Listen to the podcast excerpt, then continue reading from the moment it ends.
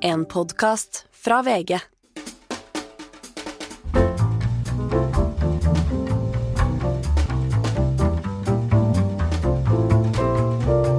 Hei! Nå hører du en smakebit av min samtale med Aisha Wolasmal. Hun er antagelig den nordmannen som har tettest kontakt med Taliban i dag, også med de konservative lederne i sør. Vi snakker om hvordan kvinnene har det akkurat nå, hvordan livet er på gatene i Kabul, gutta i skinny jeans som plutselig må passe på søstrene sine. Jeg må si at Det er en av de mest interessante og mest gripende samtalene jeg har hatt. Vær så god. Og nå hugger de igjen hender, innfører barbariske straffemetoder. Hvor langt tror du dette bærer? Altså, hva, hva er worst case scenario her? Vi er jo der egentlig Ja, vi allerede. er der. worst case. Jeg tror vi er kan der. det bli verre? Eh, ja, det kan jo alltids bli verre. Uh, det kan jo komme flere forbud. Uh, nå, det siste nå er det alle venter på. Forbud mot mediefrihet. Altså, de har jo innskrenket og begrenset ytringsrommet betraktelig. Men at de da tar fullstendig kontroll over den informasjonen befolkningen har tilgang til, det er jo ja, det vil være Det vil få katastrofale følger.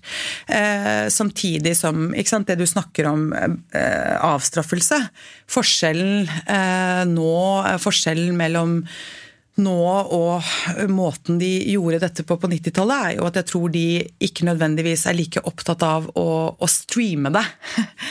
Det foregår jo.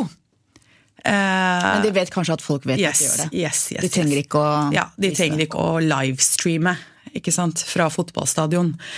Eh, Men på mange måter så er vi jo Har vi jo kommet til et slags sånn, ja, erkjennelse over at eh, Taliban 2.0 kanskje bare var noe vi betrygget oss selv med, da.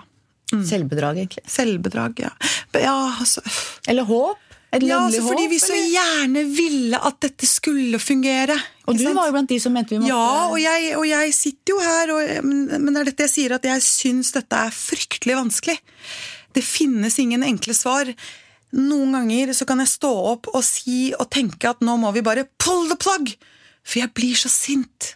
Og så tenker jeg på, og så flommer telefonen min over av WhatsApp-meldinger fra jordmødre, fra afghanske kvinner, som da er helt avhengig av at vi fortsetter. Så det er jo Man blir jo schizofren. Og Vi snakket om kvinner som nektes eh, tilgang til utdanning. Hvordan kan de håndtere det? Fins det noen omveier for de kvinner som Ja, det har de jo alltid gjort, og det er jo det som er utrolig tragisk, at vi nå er tilbake til mine sommerferier i Afghanistan, hvor mine kusiner og tremenninger gikk på hemmelige skoler.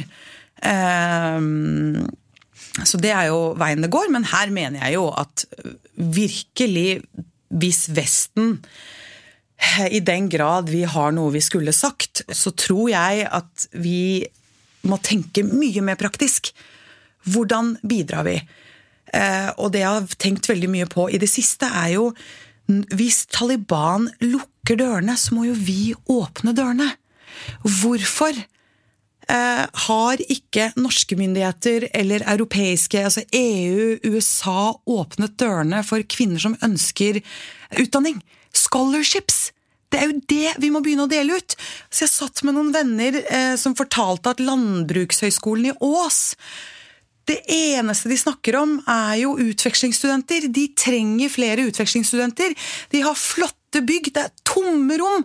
Alle disse tomme rommene kan fylles med kvinnelige afghanske studenter. Så det er et eller annet med at det, Jeg er ikke naiv, jeg snakker ikke om at nå skal vi bare åpne grensene, men vi må tenke strategisk. Og vi må tenke praktisk. Og her har vi en mulighet til å virkelig gjøre en forskjell. Og det som er paradokset, eh, jeg var i Kabul for tror jeg, 15 år siden nå, og da møtte jeg noen av de kvinnene på et barnehjem og barneskole som hadde undervist sist under Taliban. Og de kvinnene hadde fått undervisning i sovjettiden, og undervist eh, i de hemmelige skolene under Taliban. Men kvinner ble allikevel ikke fri i Taliban-tiden, selv om det var en hel generasjon kvinner som hadde fått utdanning. Vi er på en måte litt i den samme situasjonen nå, at veldig mange kvinner og jenter har fått utdanning gjennom disse 20 årene.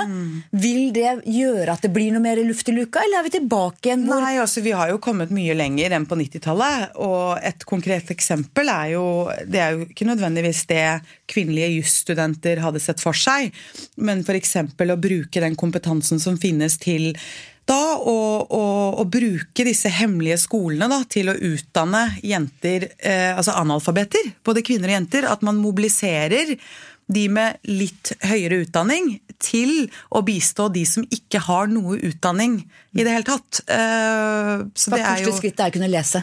Ja, første er skrittet er alltid å kunne lese. Og den gleden en hvilken som helst person, et menneske, et lite barn, får når de klarer å lese sitt første ord, den gleden er jo helt lik i første klasse på Smestad og for en eh, 46 år gammel afghansk kvinne på landsbygda.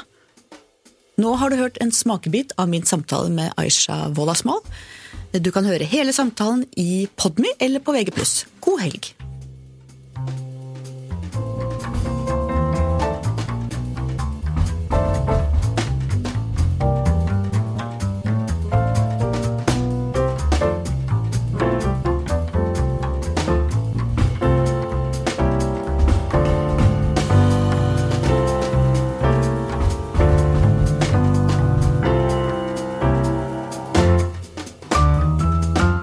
Du har hørt en podkast fra VG.